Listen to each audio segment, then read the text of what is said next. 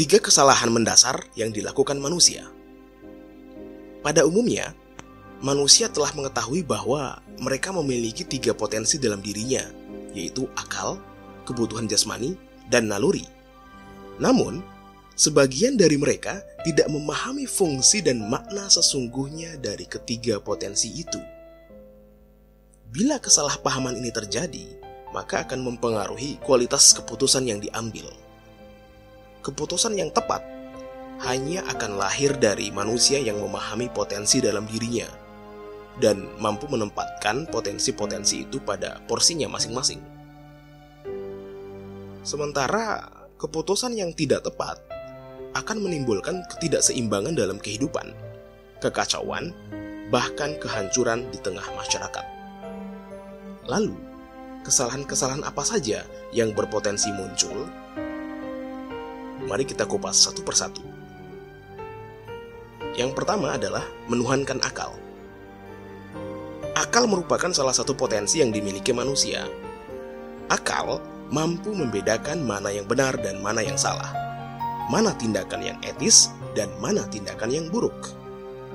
Oleh karenanya, potensi inilah yang membedakan manusia dengan hewan.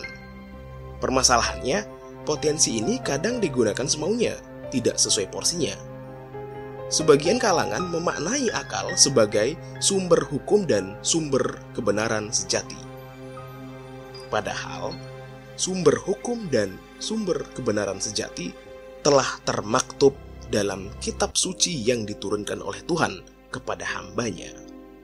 Dengan demikian, fungsi akal yang sebenarnya adalah sebagai alat untuk memaknai dan memahami sumber hukum dari Tuhan itu bukan alat untuk melahirkan atau memproduksi hukum baru.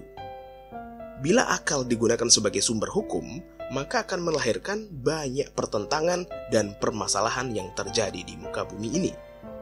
Ketidakseimbangan akan muncul dan merajalela, sehingga kebobrokan akan terjadi di mana-mana. Hal yang paling tepat dilakukan adalah manusia harus menempatkan akal sesuai porsinya yaitu sebagai alat untuk menimbang perbuatan mana yang harus ia kerjakan dan perbuatan mana yang harus ia hindari. Pada akhirnya, kita akan termotivasi untuk melahirkan ide-ide cemerlang dan merancang suatu mega proyek yang akan berdampak besar bagi kelangsungan hidup masyarakat luas secara efektif dan efisien.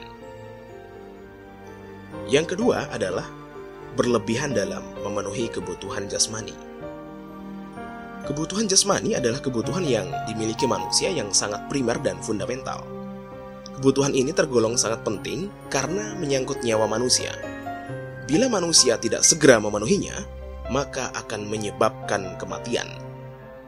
Beberapa kebutuhan yang harus disegerakan pemenuhannya, misalnya makan, minum, tidur, dan lain sebagainya. Pemenuhan kebutuhan ini semestinya tidak berlebihan karena akan mengganggu kesehatan dan kebugaran tubuh. Aktivitas makan, minum, dan tidur yang berlebihan malah akan mengakibatkan munculnya kemalasan dan memudahkan penyakit-penyakit menjangkiti kita. Tips yang paling tepat agar tidak keliru dalam mengambil keputusan adalah penuhilah kebutuhanmu secukupnya dan janganlah berlebih-lebihan. Yang ketiga adalah tidak adil dalam bernaluri. Naluri adalah salah satu potensi yang dimiliki manusia. Bila ditinjau dari segi pemenuhannya, maka pemenuhan kebutuhan terhadap potensi ini masih dapat ditangguhkan.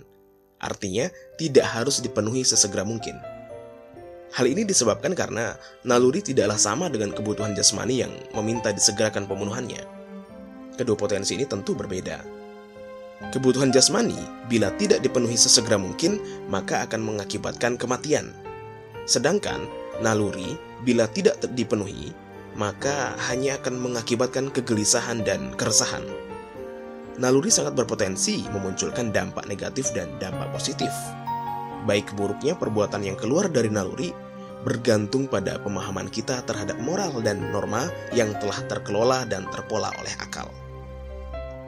Untuk memahami makna naluri yang sebenarnya, maka kita harus mengidentifikasi jenis-jenis naluri dan menggolongkannya ke dalam kelompok-kelompok yang general. Menurut Taqiyuddin Nabhani, seorang alumni Universitas Al-Azhar, dalam bukunya yang berjudul The Islamic Personality, naluri manusia tergolong ke dalam tiga golongan besar. Yang pertama adalah naluri menyembah sesuatu, naluri seksual atau sexual instinct, naluri mempertahankan diri atau self-existence. Penggolongan jenis naluri ke dalam tiga jenis ini akan mempermudah kita dalam mengidentifikasi naluri-naluri turunan.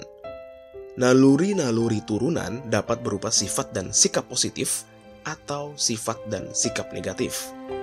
Dan lagi-lagi, positif negatifnya sifat dan sikap yang dimunculkan dari naluri turunan bergantung pada kebiasaan yang telah terpola oleh akal.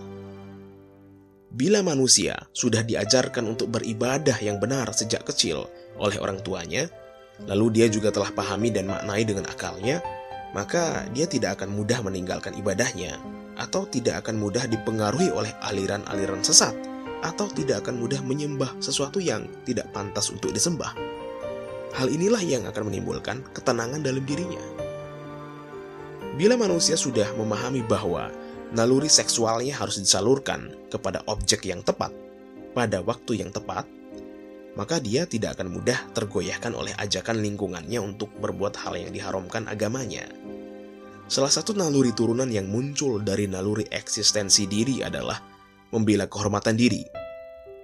Bila manusia sudah menyadari bahwa dia adalah makhluk yang memiliki kebebasan untuk memilih, hak untuk hidup dan kehormatannya besar, maka secara otomatis ketika ada serangan dari penjajah atau musuhnya, maka dia akan membela dan memperjuangkan hak dan kehormatannya.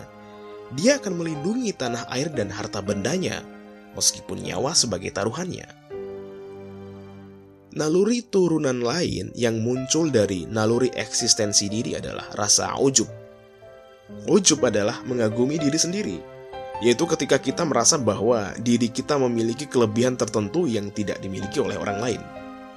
Perasaan ujub adalah kecintaan seseorang pada suatu karunia dan merasa memilikinya sendiri tanpa mengembalikan keutamaannya kepada penciptanya, Tuhannya. Bila berlebihan, maka rasa ujub akan melahirkan sifat yang lainnya, yaitu kesombongan. Sifat-sifat ini sangat mudah ditemui pada manusia-manusia yang memiliki kekuasaan yang kuat manusia yang tersohor dan dikenal banyak orang, manusia-manusia yang banyak dipuji orang dan banyak meraih kesuksesan. Oleh karenanya, naluri-naluri dan potensi-potensi lainnya tadi haruslah seimbang dan berada pada porsi yang adil. Demikianlah tiga kesalahan mendasar yang dilakukan manusia terhadap tiga potensi yang dimilikinya. Kalau kamu suka dengan channel ini, like dan subscribe untuk mendapatkan video informatif edukatif, dan menarik lainnya.